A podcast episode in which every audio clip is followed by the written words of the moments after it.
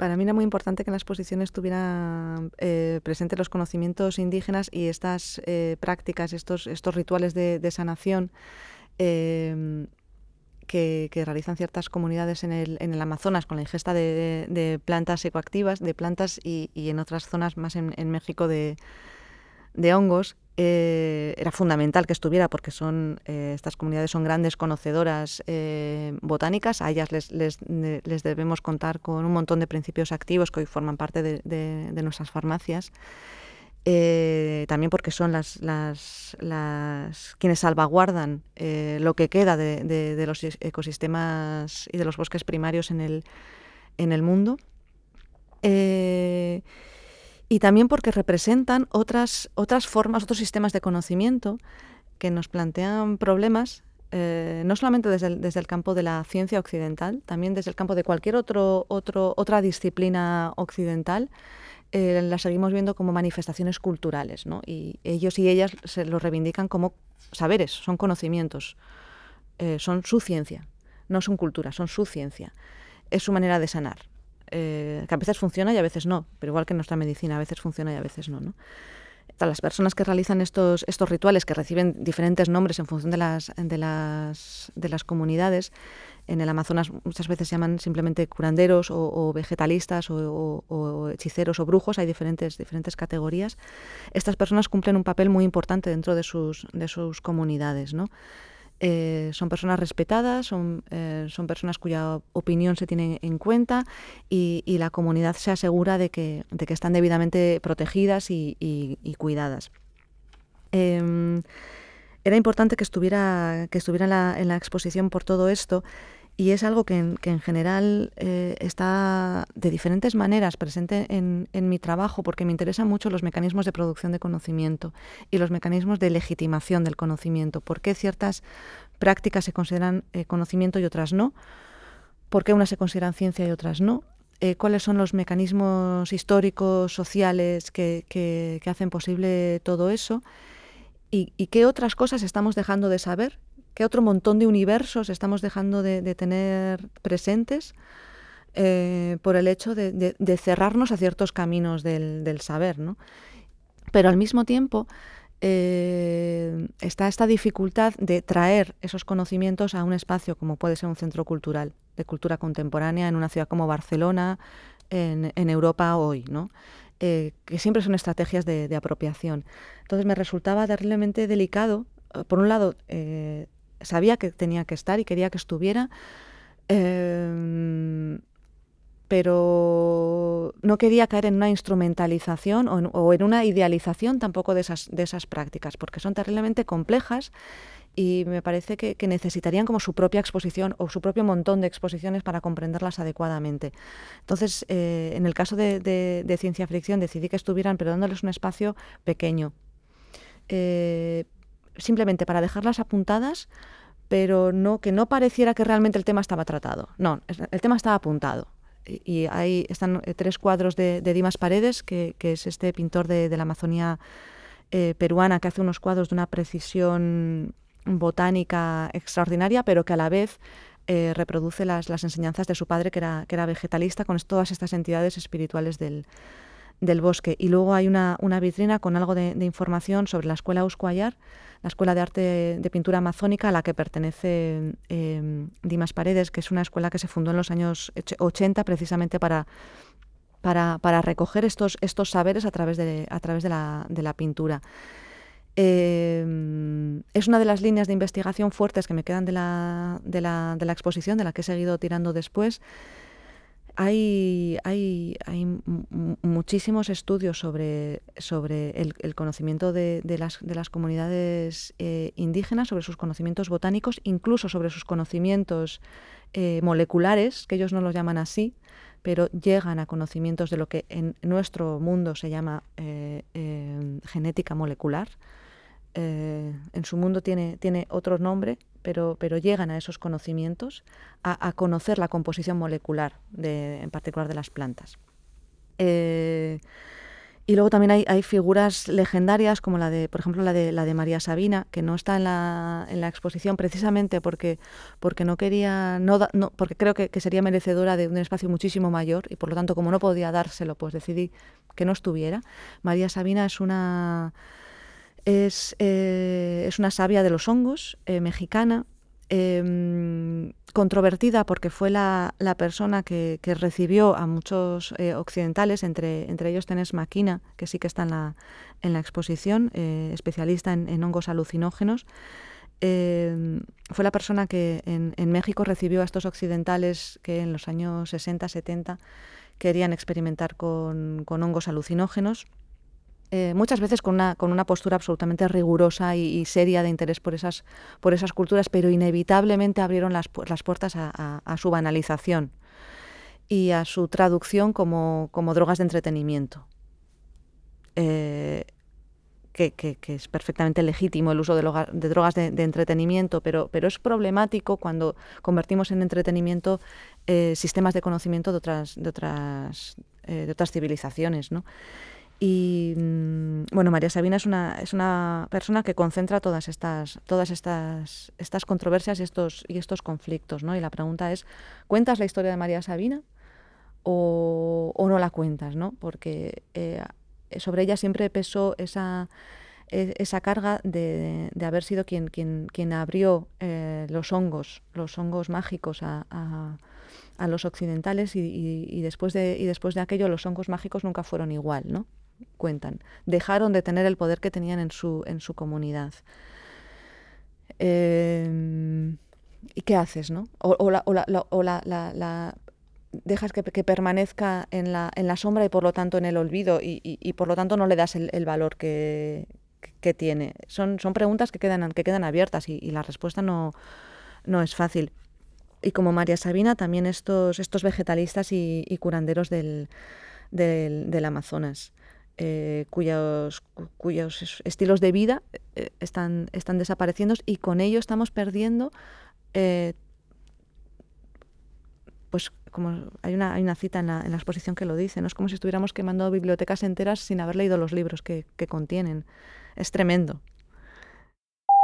Leía este verano un, un, libro precisamente sobre el concepto de especie invasora, que es una conversación que hubo entre entre tres biólogos, eh, Salé, que es un, botánico interesantísimo, muy mayor, que bueno, tiene unos proyectos eh, locos en las, en las copas de, de los árboles en, en, los bosques tropicales, junto con, con Gilles Clément y junto con un, con un tercer biólogo ya hablaban de este concepto de, especie invasora y era interesante porque estaban fundamentalmente de acuerdo, pero no completamente de acuerdo y en, y en, esos espacios de desacuerdo era donde, donde, donde la cosa se, se, ponía más, eh, más, más intensa. ¿no?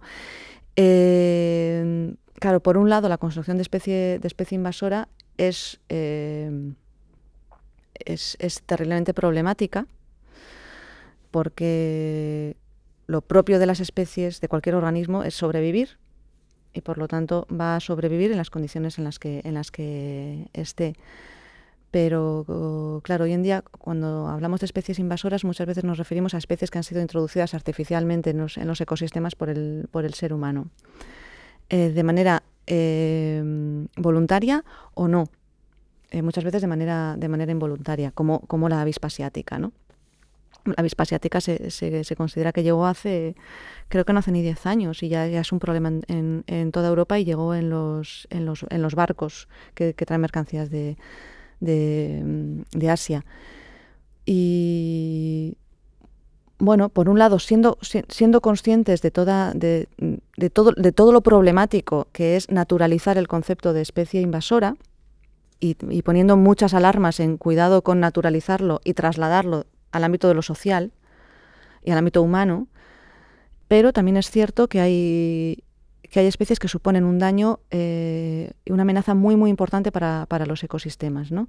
La, avispa asiática destruye las, eh, eh, las colmenas y es una amenaza para la biodiversidad, pero también para los cultivos. No, no, solamente si lo planteamos en términos humanos, sino en, en general para, para, la, para, el equilibrio de los, de los ecosistemas. Y mm, creo que era Francis, Francis Ale quien decía, pero mucho, mucho cuidado con, con, no luchar por defecto contra las especies invasoras. Y de nuevo lo que nos dicen, lo que, la, conclusión que se podía sacar de, esa discusión es algo que de nuevo me recordaba a Haraway, que es eh, no se pueden hacer grandes declaraciones generales que no sirvan para todos los casos, sino que estamos en terrenos terriblemente complejos y terriblemente singulares. Cada caso es diferente, cada especie invasora va a ser diferente en función de en diferentes épocas, en diferentes eh, lugares geográficos y respecto de diferentes cuestiones. Por lo tanto, mm, con todas las prudencias respecto del uso de la, de la expresión especies invasoras, tampoco sería buena idea rechazarla por completo y decir, no, no vamos a hacer ninguna política contra las especies invasoras. Eh, el COVID no es una especie, pero podría ser un caso, ¿no? Eh, bueno, pues tendríamos todo, todo ese debate, ¿no? Eh, o virus mucho más mortíferos, o bacterias mucho más mortíferas, ¿no? Como las, bueno, las, la próxima gran, gran eh, problema de salud pública mundial que, que serán las, las, macrobacterias, ¿no? ¿Qué vamos a hacer con las, macro, con las, eh, con las macrobacterias? Eh, no son exactamente una especie invasora en ese sentido, pero, pero es decir, ¿qué hacemos con los organismos que son una amenaza importante para, para los ecosistemas o para la salud de las, de las personas? Eh, otro tema importante que salía ahí en esa, en esa discusión, que me llamó mucho la atención, es que eh, qué pasa cuando tenemos una especie invasora en un lugar que es una especie en peligro de extinción en su, en su lugar de origen. Ahí, por ejemplo, la discusión es muchísimo más difícil. Eh, la perseguimos, la, intentamos eh, eliminar completamente, cuando significa eliminarla de, de, del planeta en su conjunto, o cómo hacemos. Y son las discusiones que, nos encontramos a partir del momento en el que hay un desequilibrio de los, de los ecosistemas. Entonces, quizás la cuestión no es tanto qué hacemos, que desde luego lo es, ¿eh? pero no hay una respuesta buena y como diría Haraway, no hay una respuesta inocente. Vamos a tener que tomar decisiones y vamos a tener que sacrificar algo, no sabemos qué. Eh, pero la cuestión es más eh, antes, ¿no?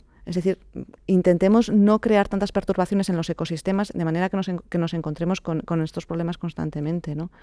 Porque, nos, porque van a demandar eh, respuestas. Y es muy fácil en un entorno seguro eh, declararnos en contra de, las, de la acción contra las especies invasoras, pero si, si mañana eh, hay una, una especie invasora que amenaza nuestra vida, seguramente queremos que se tomen, queremos que se tomen medidas contra ella. ¿no? O sea, que, que, que, muchas veces también estamos, nos movemos en un, en un plano en un plano abstracto y lo que tiene la, la, biología y las ciencias de la vida es que te devuelven a, esas, a esas eh, eh, dependencias muy muy básicas de lo que de lo que necesitas para vivir necesitas un aire limpio necesitas eh, alimentos más o menos sanos y necesitas no estar colonizado por otros organismos que van a querer vivir a costa de ti los hongos, por ejemplo. O sea, eh, es, es, probable que haya, que haya nuevas enfermedades vinculadas con el cambio climático por, por, por la aparición de, de no, no, necesariamente nuevos tipos de hongos, pero por el fortalecimiento de hongos que ya están en nuestro organismo, pero que hasta ahora están controlados eh, por las condiciones de temperatura, pero que en el momento en el que eh, una pequeña variación de temperatura puede hacer que se modifiquen esos equilibrios. ¿Qué vamos a hacer con, esa, con ese organismo que nos va a invadir desde dentro, ¿no? Querremos luchar contra él. O sea, que abandonemos la, inocencia. Para mí es algo, eso es algo que dice Haraway y que creo que es, es, es, es más fácil tener respuestas y quedarnos tranquilas, pero no puede ser, es imposible. A mí hay una pregunta que siempre me gustaría hacerle a, Haraway, que tiene un poco que ver con esto, que no sé si alguna vez se la podré hacer, así que la dejo aquí en plan mensaje en la botella.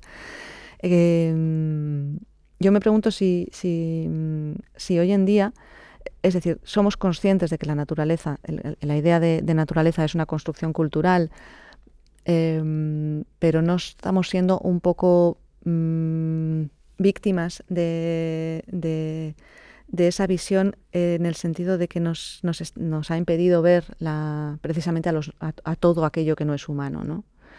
eh, tan obsesionados estamos con, que todo es una, proyección y una, construcción cultural desde el, punto de vista del antropos, que no vemos eh, la, singularidad profundamente no humana y profundamente no tiene nada que ver con nosotros de otras formas de vida.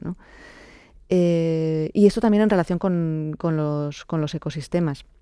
Em, me gustaría preguntarle a Haraway si cuando en el manifiesto Cibor dijo aquella frase tan tan famosa, escribió aquella frase tan tan famosa de eh, prefiero ser un cibor que una diosa, que era una referencia al culto de la diosa que en esos momentos eh, eh, tenía mucha fuerza en su propia comunidad de feministas en, California, en torno sobre todo a una figura como la de Starhawk, la bruja pagana Starhawk, estamos en los años 80 en California.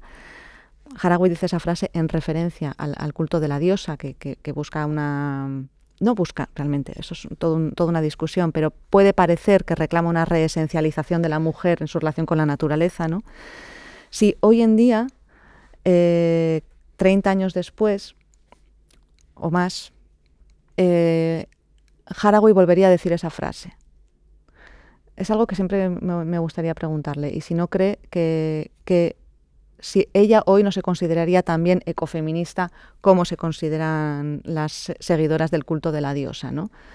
Eh, si cree que no, nos hemos dejado algo en el camino, en ese abandono eh, total de la naturaleza, con todas las complejidades que tiene, que tiene esa palabra, y en, cerrar muy rápidamente la discusión sobre toda la naturaleza escultura.